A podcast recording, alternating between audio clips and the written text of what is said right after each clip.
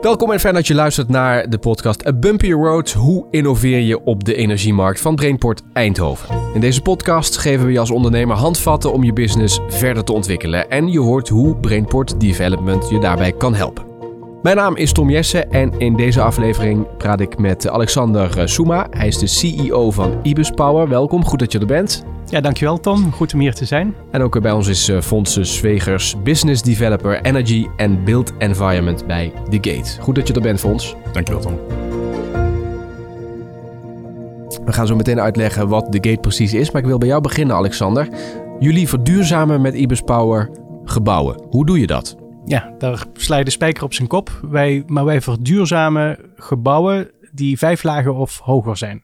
Dus wij kijken specifiek naar middel tot hoge gebouwen. Um, en dat doen wij door zoveel mogelijk energie op te wekken op het beperkte dakoppervlak dat hoge gebouwen hebben.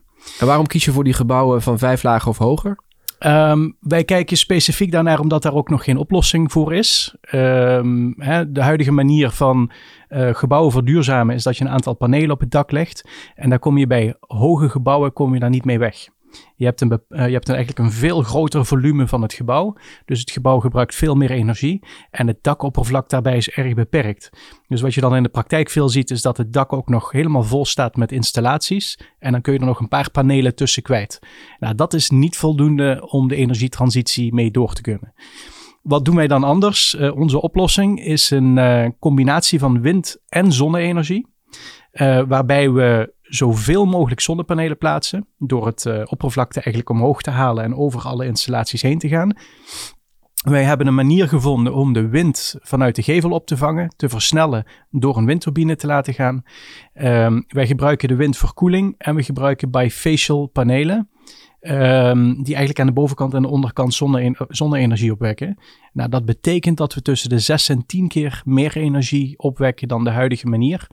En je moet je voorstellen, in een stad waar iedereen elektriciteit verbruikt, zijn de hoge gebouwen de grootste verbruikers. En dat zijn nou juist de gebouwen waar ook de meeste energie uh, moet worden opgewekt. En, en dat is wat wij op een architectonisch aantrekkelijke manier proberen voor elkaar te krijgen. En dat doe je wereldwijd, hè, met het bedrijf? Wij doen dat wereldwijd, uh, weliswaar beginnend in Nederland. Uh, wij zitten nu eigenlijk echt in Nederland. Uh, we hebben een uitstap naar België en Duitsland.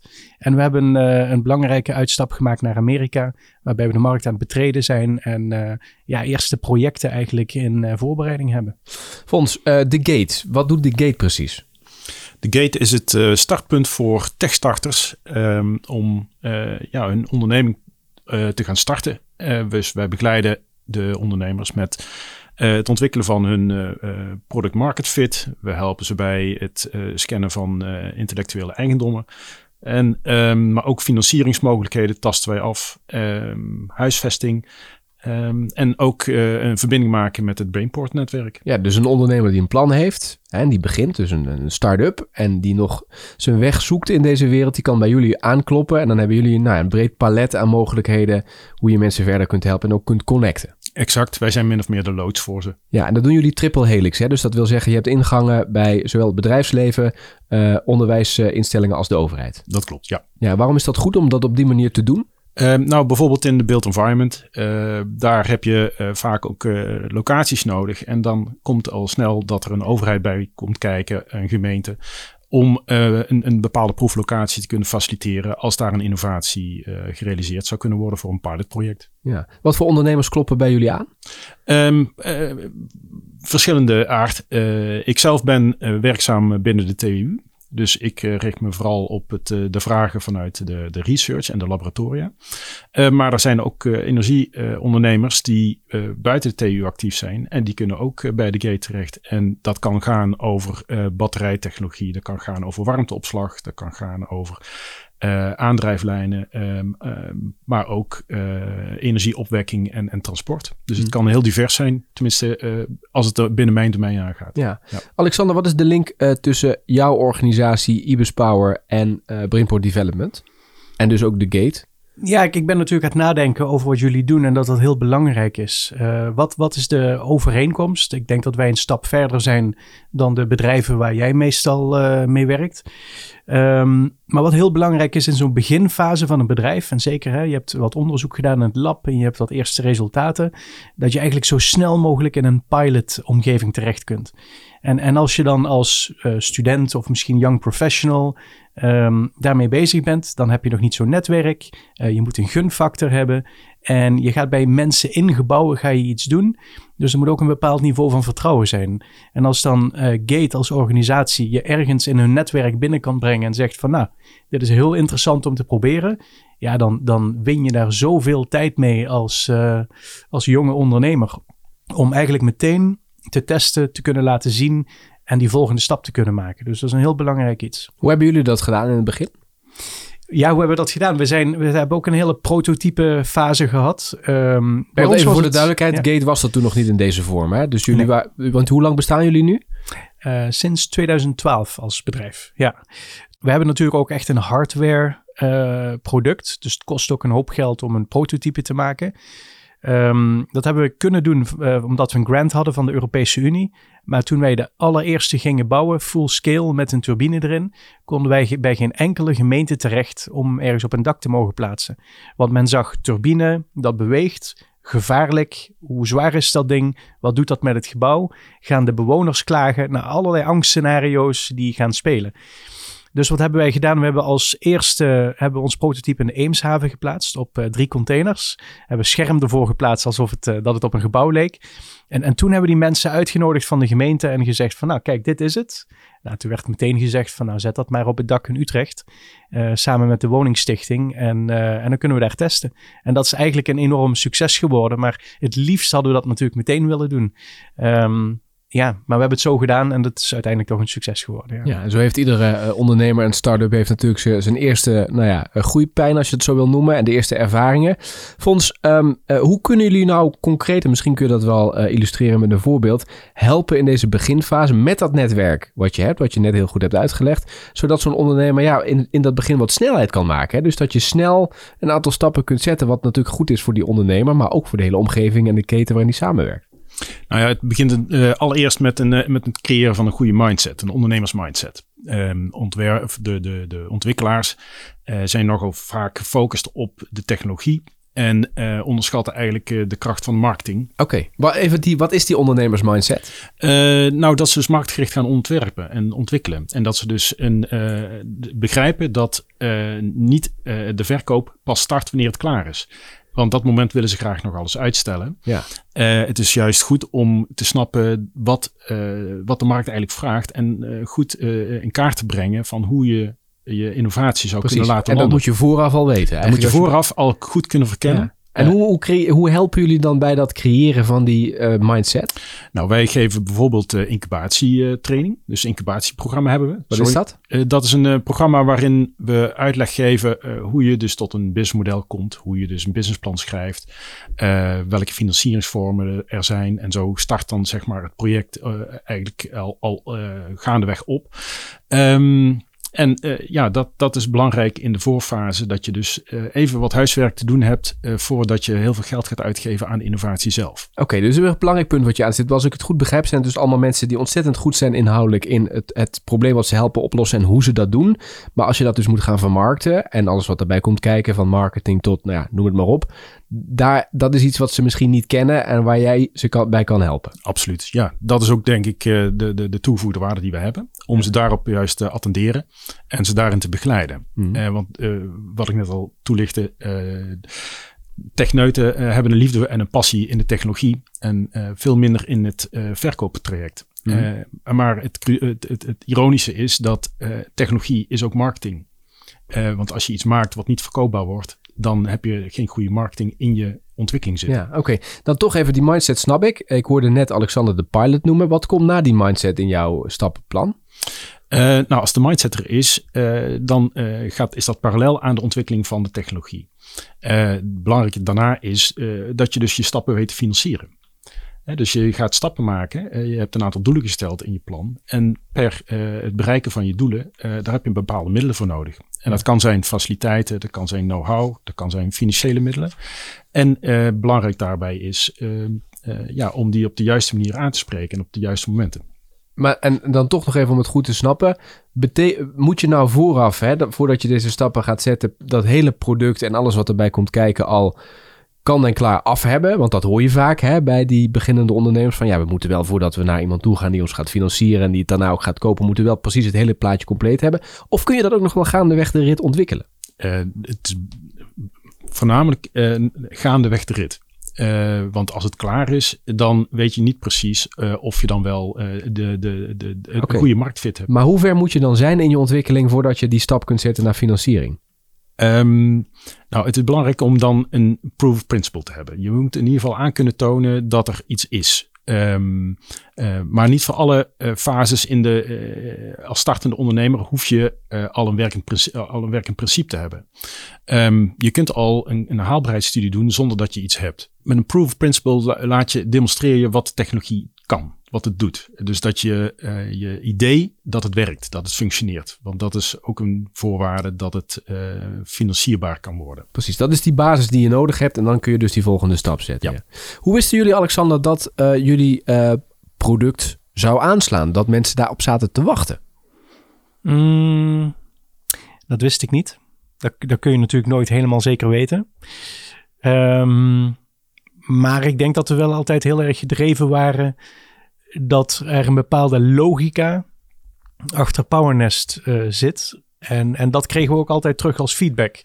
En dus wij, krijgen, wij kregen heel veel feedback vanuit de markt. Uh, mensen die ons volgen op social media. Van ja, waarom bestaat het eigenlijk nog, uh, nog niet? Hè? Het is zo logisch en, en dit, is, dit is, ja, iedereen ziet het voor zich. Um, dus ik, uiteraard hebben we, zijn natuurlijk ook een fase doorheen geweest waarin we gebouweigenaren zijn gaan interviewen. Uh, om te vragen van, nou, als dit zo en zo in elkaar zit en het kost dit en het doet dat, is dat dan iets waar je in zou investeren? Nou, daar kwamen ook heel veel positieve resultaten uit. Um, maar dat is eigenlijk nog allemaal bureauwerk. Ja, uh, en allemaal mensen in je eigen bubbel, kan ik me voorstellen. Het zijn ook allemaal mensen die zeggen van fantastisch idee, moet je vooral doen. Dus je hebt misschien ook wel een, een rooskleurig te rooskleurig beeld van de, van de realiteit. Heb je ook die kritische geluiden opgezocht? Die je kunnen helpen van, hey, uh, leuk idee, maar dit element snap ik nog niet helemaal. Of dit is nog niet helemaal af. Ja, zeker ook heel veel kritische geluiden gehoord. Uh, gevraagd en ongevraagd. ja, nou, noem eens een voorbeeld daarvan. Um, nou, heel grappig wat mij net eigenlijk uh, in gedachten was. was er was bijvoorbeeld een, een professor en die zei, nou, dat werkt niet. Dat kan helemaal niet. En, en nou, dat triggerde dan, jou natuurlijk. Ja, dat, dat triggert mij, want ik wist wel heel wel zeker dat het wel werkte. En uh, dat konden mijn berekeningen aantonen, mijn simulaties, et cetera. Um, en ja, en dan, en dan, maar dan kun je in discussie gaan. Maar je kunt ook gewoon zeggen van kom eens tussen deze twee gebouwen staan en kijk eens hoe die wind hier aanjaagt. Ja. En, dat, en dat is eigenlijk al gewoon bewijs dat inderdaad als je de wind funnelt, gaat die versnellen. En dat gebeurt bij gebouwen. En uiteindelijk hadden we natuurlijk de capaciteit om dat met simulaties heel duidelijk te laten zien, gevalideerd. Ja, en toen waren we heel erg op zoek naar dat eerste prototype, full scale en de meetgegevens. En toen heb ik een, uh, een, een collega-professor van deze man uit een andere department gevraagd van kijk jij nou eens in de data en geef je nou eens je onafhankelijke mening uh, over. En, en, en die was heel positief en uh, dus daarmee was het gevalideerd. En toen was ineens ook die discussie van de tafel, dat was verdwenen.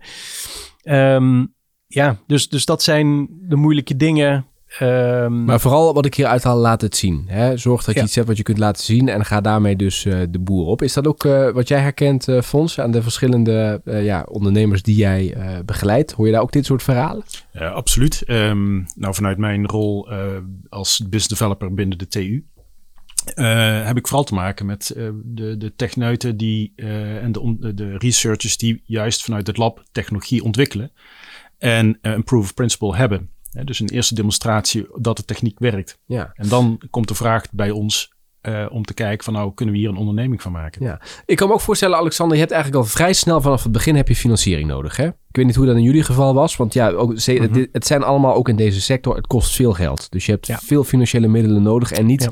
over een maand of over een half jaar, maar nu, vandaag, het liefst zo snel mogelijk. Absoluut. Hoe zijn jullie dat gaan aanvliegen? Wat was jullie plan? Nou, we hebben vooral in het begin hebben we grants ontvangen. Wat zijn Ehm, dat? grants, eh, subsidies, Ja. eh, zowel in Nederland als in Europa. Eh, dat heeft voor ons wel de doorslag gekregen om al die stappen te maken. En hoe wist je dat die er waren? Want dat moet je ook maar weten, dat je, waar je moet aankloppen daarvoor en wat de specificaties en de vereisten zijn. Ja, dat had ik wel geleerd tijdens mijn PhD in, in Amerika.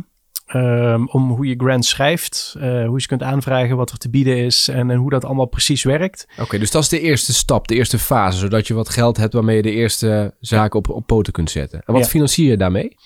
Ehm, daar hebben we ehm, nou, wat externe adviseurs mee, eh, maar vooral eigenlijk ging 90% van het geld ging naar een prototype, om inderdaad dat proof of concept eh, voor elkaar te krijgen. Ja, hoeveel weet je, of hoe weet je hoeveel je nodig hebt?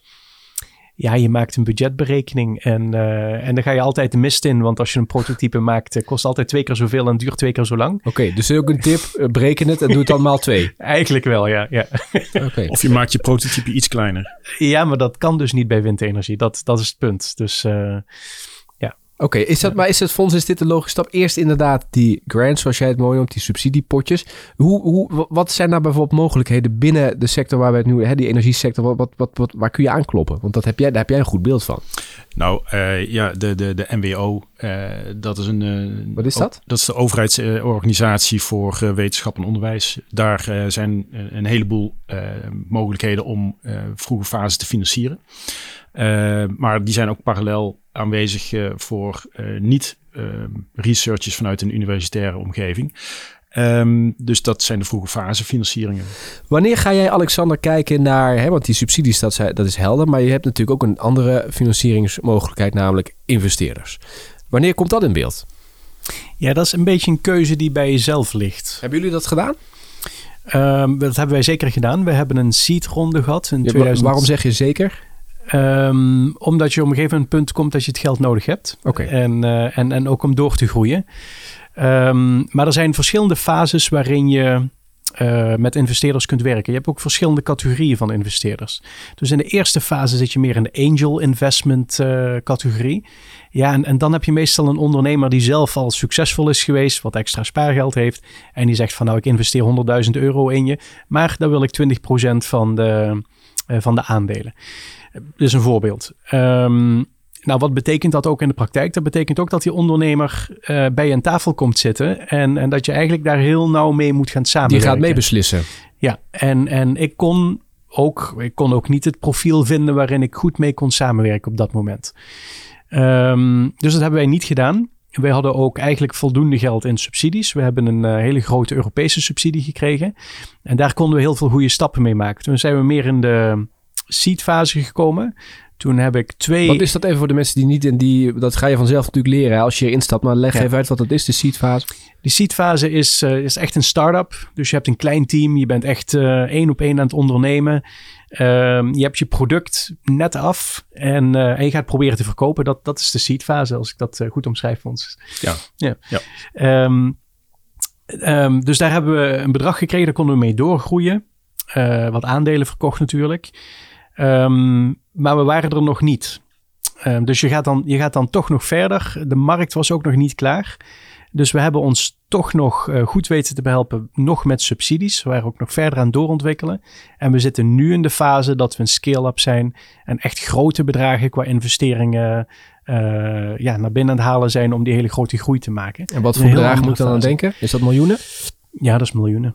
Want dat, Ja. dat heeft gewoon mee te maken als je dit goed wil doen. Het, eh, ja, het zijn grote gebouwen, hè, vijf etages of hoger. Ja. Kapitaalintensief eh, wat je moet investeren. Dus eh, het zijn grote bedragen. Dus ook een bepaald type investeerder dat je opzoekt. Ja, je, je komt echt bij de grotere fondsen terecht. Hoe vind je die Eh, eigenlijk? Ja, je, je kunt daar een adviseur voor inschakelen. Ehm, dat hoeft niet. Het is ook niet altijd een succes. Ehm, ik heb zelf eigenlijk in de loop der jaren wel een redelijk netwerk opgebouwd. Waarbij ik. eh, en ik denk dat dat heel belangrijk is in het investeringstraject. Dus ook, het is eigenlijk een soort sales van high capital goods. Het is eigenlijk hetzelfde Ja. als met Powernest. Ehm, het gaat om vertrouwen. Ja. En het gaat om, het zeggen investeerders, team, team, team. Ja, dus je moet met die investeerders gaan samenwerken en een band eh, krijgen natuurlijk. Dat is dus van twee kanten. En, en dan ga je, samen, ga je samenwerken. Ja, over het team gaat het zo nog even hebben. Maar eh, eigenlijk als wat ik leer van jou, als ik jou goed beluister, is die op een gegeven moment je ontkomt er niet aan. Misschien ook zeker wel in deze fase dat je die investeerders nodig hebt. Met alleen subsidies kom je er niet. Is dat correct? Ja, dat geldt denk ik voor 90% van de bedrijven. Precies. Tenzij je zoveel omzet kunt creëren en winst. Maar dat, is, eh, dat Ja. zou heel uniek zijn. En als je dan met die investeerders in zee gaat, wat dus vrij voor de hand ligt, dan heb je dus ook nog een palet uit welke investeerder je kunt kiezen. Je moet goed kijken of, of je eh, kunt voldoen aan de voorwaarden die ook zo'n investeerder stelt. Als die een bepaald aandelenpakket wil en wil meesturen, kan dat ook ja, nadelig zijn, omdat je zelf de koers wil blijven bepalen. Heel belangrijk, denk ik, om eh, bij die eerste of tweede gesprek aan zo'n investeerder te vragen: wat is je ticket size? In welke fase investeer je meestal? Dus waar- ticket size bedoel je, eh, wat wil je voor aandelen hebben? Ehm, ja, hoe- hoeveel, hoeveel geld wil je investeren? Dat is de ticket size. Ehm, in wat voor bedrijf, in welke fase voel je je comfortabel om te investeren? En eh, wat voor een profiel van bedrijf investeer je in? Hardware, software, Hmm. kan natuurlijk van alles zijn. Het is gewoon heel zonde om, om ja, twee maanden met iemand bezig te zijn. En dan eh, zeggen ze uiteindelijk van ja, het is toch niet helemaal onze, Nee, waar wij meestal mee werken. Ja. Dan ben je twee maanden kwijt. Ja. Volgens mij had eh, Alexander al een netwerk hè, van die investeerders. Wat kan de gate hierin betekenen in nou, die toegang tot ehm, ja, het kapitaal wat je dus nodig hebt? Nou, de Gate die, eh, heeft een goed overzicht van het financieel of het financieringslandschap. En ehm, nou, we hebben hier binnen eh, Brainport Development eh, heel veel aanspreekpunten die dus eh, ook een toegang kunnen bieden tot investeerders en andere financieringsvormen. Ja. En geven die ook deze disclaimer van let op, dit is deze, dit type investeerder die stelt wel deze eis. Wij gaan onze mensen die, of onze ehm, eh, aspirant ondernemers of ondernemers gaan wij zeker eh, daarin adviseren van kies de juiste investeerder aan. Want eh, het is belangrijk dat je samen eh, dit naar een hoger plan gaat tillen. En dat je dus daar dan ook een langer commitment voor nodig hebt. En ja, dan is het zeker zaak dat je dus een goede match hebt met elkaar. Ja. Zijn er bepaalde adviezen die jullie hier ook in meegeven, omdat je hebt gezien dat dat bij start-ups die nou, een, een, een toekomstig ondernemer voor zijn gegaan, dat dat daar goed werkt? Nou, belangrijk is ook vaak wat eh, de, de, de ondernemer ehm, een match heeft met de, de investeerder die een achtergrond heeft in hetzelfde domein. Eh, want die hebben vaak een affiniteit met eh, wat de start-up doet. En Hmm. dat helpt enorm. Want het is niet alleen maar dat het om geld gaat. Het gaat vaak ook om netwerk en, en marktkennis. Hmm. En dat zijn vaak wat minder meetbare aspecten. Maar die doen zeker mee om het succesvol te kunnen krijgen. Wat zijn de grootste valkuilen die, die jullie bij de gate tegenkomen? Niet zozeer alleen op dit financieringsaspect, maar gewoon in de, in de brede zin van het verhaal wat we vertellen vandaag. Nou, een van de valkuilen is dat ehm, de competenties rondom ehm, eh, het klantgericht ontwikkelen en het eh, bedrijf opzetten, dat is iets wat nog onderbelicht blijft. Ehm, Zoals wat je in het begin inderdaad duidelijk hebt ja, uitgelegd. ja, dat is een, een onderbelichte eh, competentie waar we dus vaak op, nog op in moeten haken om die bij te spijkeren. Ja. Ehm, eh, want uiteindelijk wil je dat het succesvol wordt, maar succes wordt afgemeten hoe vaak jij je product kan verkopen. Ja. En eh, hoe goed dat je dat eh, kunt voorbereiden, daarin begeleiden wij de, de, de, de, de aspirant ondernemers. Ja. Het team werd net al genoemd door Alexander. Hoe belangrijk is dat team voor ons? Nou, een team is, alle competenties moeten aanwezig zijn. Ehm, dus, dus Wat niet bedoel je alleen- daarmee? Nou, eh, dat er dus een, eh, iemand is die goed is in de technologie, iemand die goed is in de operations en iemand die goed is in de marketing. Dat zijn de drie, eh, zeg maar, key competenties die je nodig moet hebben. Oké, en moet dat vanaf het begin zo zijn? Of kun je ook gaandeweg de rit zeggen van... oké, we gaan nu met investeerders praten... nu halen we een financiële persoon erbij. Ehm, nou, financiële personen die zou pas later in het traject doen. Eh, begin eh, is dat je daar je in kan laten adviseren. Ja. Hè, dus dat je daar eh, die, die mensen weet te bereiken via Precies. je netwerk. Maar goed, laat ik het dan even anders vragen. Vanaf het begin, vanaf dag één dat je begint... moet je wel je team en je poppetjes compleet hebben. Je kunt niet zeggen, gaandeweg de wedstrijd halen we de keeper erbij. Nou, dat is niet ongebruikelijk. Meestal start het als een eenmanszaak, om het zo te zeggen. Met, vaak vanuit een, een vanuit een technologische achtergrond. Eh, en dan is het zaak dat je dus wel mensen ziet te vinden die eh, Ja, ja.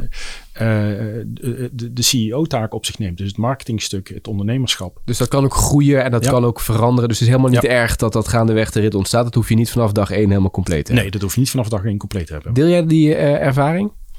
Ja, wat ik wil, wil toevoegen is het ehm, is niet alleen competenties, maar ook wat het karakter is en de flexibiliteit qua mindset van mensen, eh, van de ondernemers. Ze moeten ook mee kunnen groeien. Want een onderneming die groeit in bepaalde fases. Uh, je bent misschien met uh, drie founders. Um, ja, en ik even een heel stom voorbeeld, maar stel de techneut achter uh, het product. Ja, die is natuurlijk heel erg verliefd op die technologie, maar die is niet zo'n ondernemer. En blijft hij dan aan boord als je op een gegeven moment alleen nog maar commercieel moet denken? Maar hoe weet je dat vanaf het begin? Hoe kun je dat toetsen? Dat weet je niet, maar je kunt het natuurlijk wel meenemen in je organisatieontwikkeling. En, uh, en ook vooral die persoonsontwikkeling meenemen in de groei en daar aandacht aan besteden. Dat, dat vind ik zelf vind ik dat een belangrijk aspect. Want je, je investeert in je team, je groeit als je team en je wilt het eigenlijk ook samen tot een bepaalde fase brengen. En, en daar, die flexibiliteit moet je voeden in elkaar. En hoe zit het met de aandelen binnen het team? Um, ja, dat ligt eraan voor elke onderneming anders. Maar wat is je vraag precies? Nou ja, je kunt natuurlijk op een gegeven moment uh, de, de, uh, ga je het helemaal gelijk verdelen. Uh, of ga je degene die als eerste het heeft opgericht, krijgt die, dat ligt misschien voor de hand, het grootste pakket geven. En degene die daarna erbij komen, die krijgen een, een, een minderheidsbelang. Hoe ga je daarmee om? Hoe hebben jullie dat gedaan? Ja, ik, ik was de enige oprichter. Um, dus ik, in de beginfase had ik natuurlijk 100%. Nou, toen heb ik wat verkocht aan aandeelhouders um, of investeerders. En, en nu uh, komen we ook in een fase waarbij uh, en de, de, de C-level personen aandelen krijgen, maar ook uh, de werknemers, dat die een soort optieregeling krijgen van aandelen. Hmm. Nou, waarom heb je die, die keuze gemaakt? Um, je doet het als een team. En, en, en ik kan me heel goed erin verplaatsen dat Kijk, als, als, als team in een start-up scale-up, ja, je moet je, het, het is geen, uh, het is geen walk in the park, zeg maar. Um, en ik vind ook gewoon dat mensen beloond moeten worden in de investering die ze persoonlijk in het bedrijf doen. En dat, is, uh, dat zijn die 60 tot 80 uur werken. Okay. Of, uh, of juist ja. door die moeilijke tijden gaan, dat mag beloond ja. worden. Jouw rol was vanaf het begin, Alexander, de, de directeur, de CEO. Was dat ja. inderdaad vanaf dag één zo? Of is dat ook gegroeid wat, uh, hè, wat Fons net vertelde? Dat dat gaandeweg de rit een beetje ja, komt? Ja, ik, ik denk dat uh, mijn rol vanaf het begin af aan alles was. was ik was in mijn eentje. je deed alles, marketing, uh, nou ja, de facturen sturen. Ja, ja eigenlijk, eigenlijk alles. En dan begin je met een eerste werknemer. En, uh, en, en, en zo groeit dat. Um, ja, totdat je erachter komt van ik kan zeker niet meer alles. Ik heb daar wel heel veel van geleerd, we alles zelf moeten moeten doen. Ik vind het ook wel belangrijk dat een CEO in staat is om alles zelf te kunnen doen. Maar uiteindelijk wel er vanaf moet stappen. Ja. Dus dat, ja. Oké, okay, dus je moet, het is leerzaam om in het begin alles te doen, omdat je dan later in het proces ook weet wat die rol behelst. Maar je moet ook zeker op het juiste moment weten, oké, okay, nu moet ik het loslaten, nu moet ik het... Want als je dat niet doet, wat gebeurt er dan? Dan word je zelf gek. En, uh, en dan ga je je team onderwaarderen. Ja, en wat betekent het voor het bedrijf? Uh, dat, je, uh, dat je zelf de beperking bent tot je groei. Oké. Okay. Volgens is het ook zo als je een goed idee hebt, dan wil je natuurlijk niet dat iemand anders daarmee er vandoor gaat. Hoe bescherm je nou een uh, IP en hoe kun jij vanuit de Gate samen met jouw collega's daarbij helpen? Nou, de Gate die bewandelt eigenlijk daarin twee routes. Eén um, van binnenuit de TU en van buiten de TU. Als je van buiten de TU een goed idee hebt, dan uh, heeft de collega's van de Gate uh, hebben dan wel een route voor je naar octrooi gemachtigden. Van wie je daarin kunnen helpen om je idee goed te scannen of het patenteerbaar is. Nou, die service die verlenen wij ook aan onze researchers en de mensen van binnen de TU. Als zij een goed idee hebben, dan hebben wij mensen die de eerste scans doen of het patenteerbaar is. Alexander, hoe zit dat bij jou? Hoe heb, hoe heb jij dat gedaan? Nou, ons, onze technologie PowerNest is gepatenteerd. Um, heel veel mensen vergissen zich en dan kijken ze naar PowerNest en dan zeggen ze, oh dat ziet er simpel uit, dat kan ik ook wel. En dan maak ik altijd het voorbeeld van, nou bedenk je nou eens een vliegtuig met vierkante vleugels en dan ga je kijken hoe die gaat opstijgen. En nou dat doen we met PowerNest ook. Dus er zit heel veel aerodynamica in verwerkt die wij gepatenteerd hebben, waardoor het werkt. Uh, het is dus niet gewoon zonnepanelen met een windturbine eronder. Uh, we hebben zeker uh, gevallen gehad dat het uh, gekopieerd werd, of in ieder geval een poging daartoe. Ja, en dan ga je natuurlijk als eerste in gesprek met die mensen. En dan ga je ze ook uitleggen van, nou, dit is onze technologie. En, en als je dat dan toch doet, dan betekent dat... Hoe kom je we... erachter dan, dat dat gekopieerd is? Want dat moet je ook maar net zien. Ja, klopt. Um, nou, we hebben natuurlijk een heel netwerk van mensen die dat tegenkomt... en die ons een belletje geven van, hey, heb je dit al gezien? Hmm.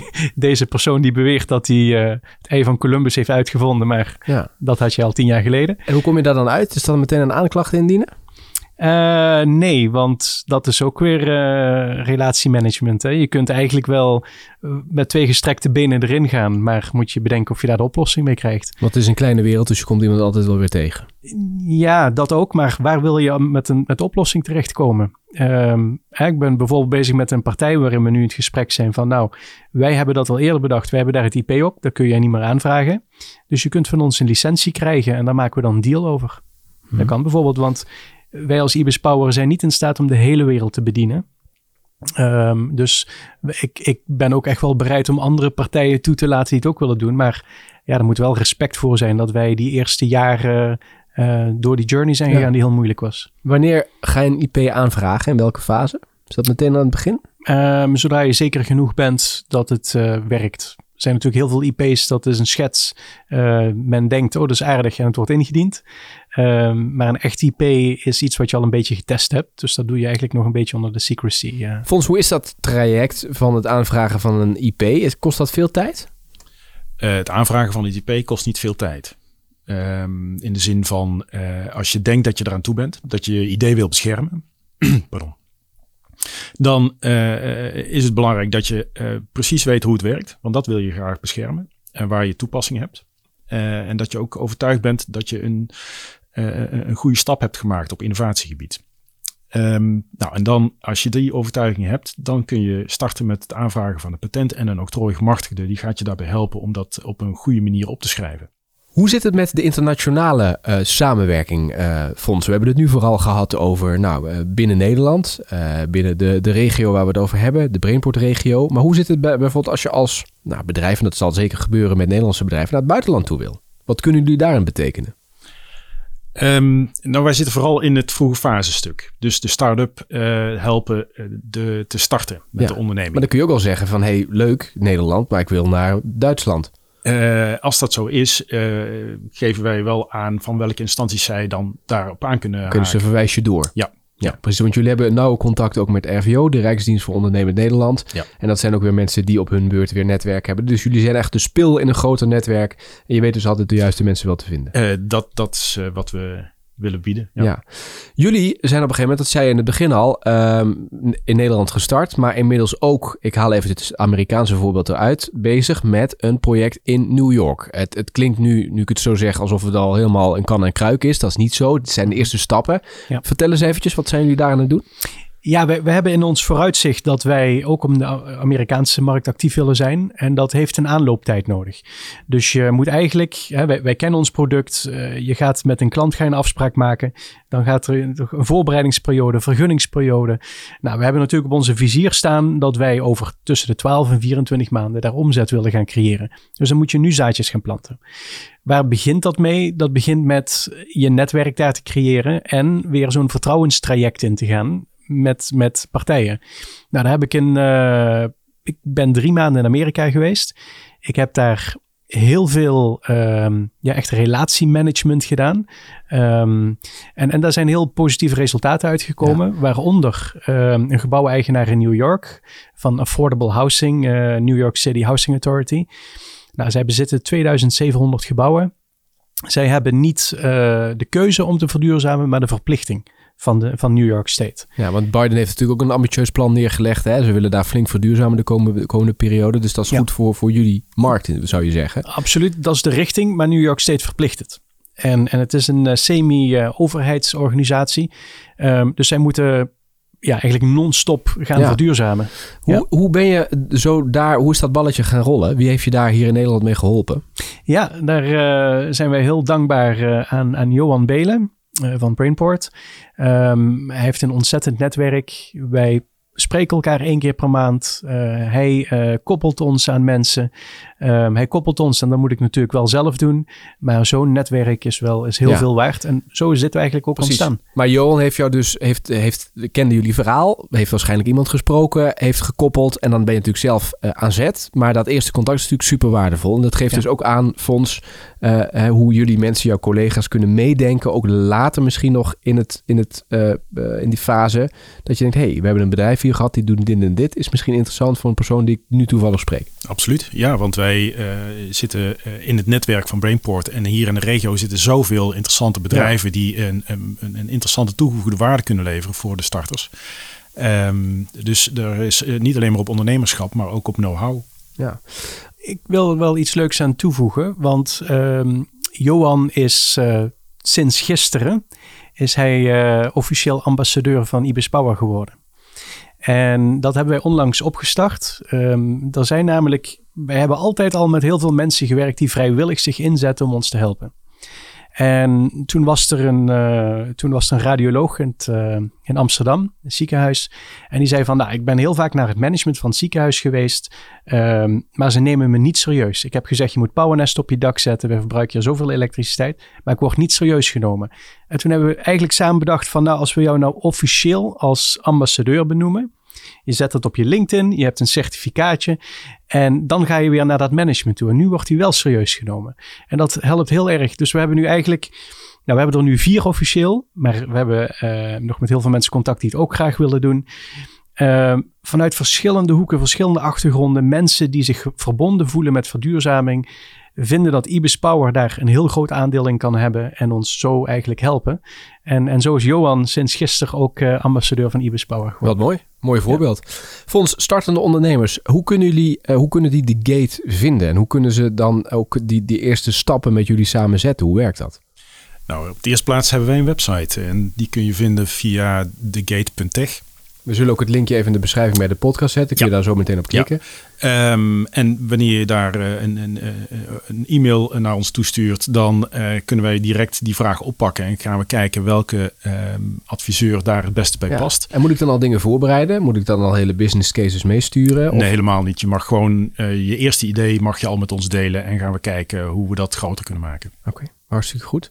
Dank voor je toelichting. Fijn dat je hier was. Alexander, jou nog één vraag. Welke tip heb jij voor een startende ondernemer? Jullie zijn al een hele tijd bezig, maar wat zou je nog willen delen met, met mensen? Ik denk dat het heel belangrijk is dat je als leider van je organisatie met de korte toekomst, maar ook met de lange toekomst bezig blijft.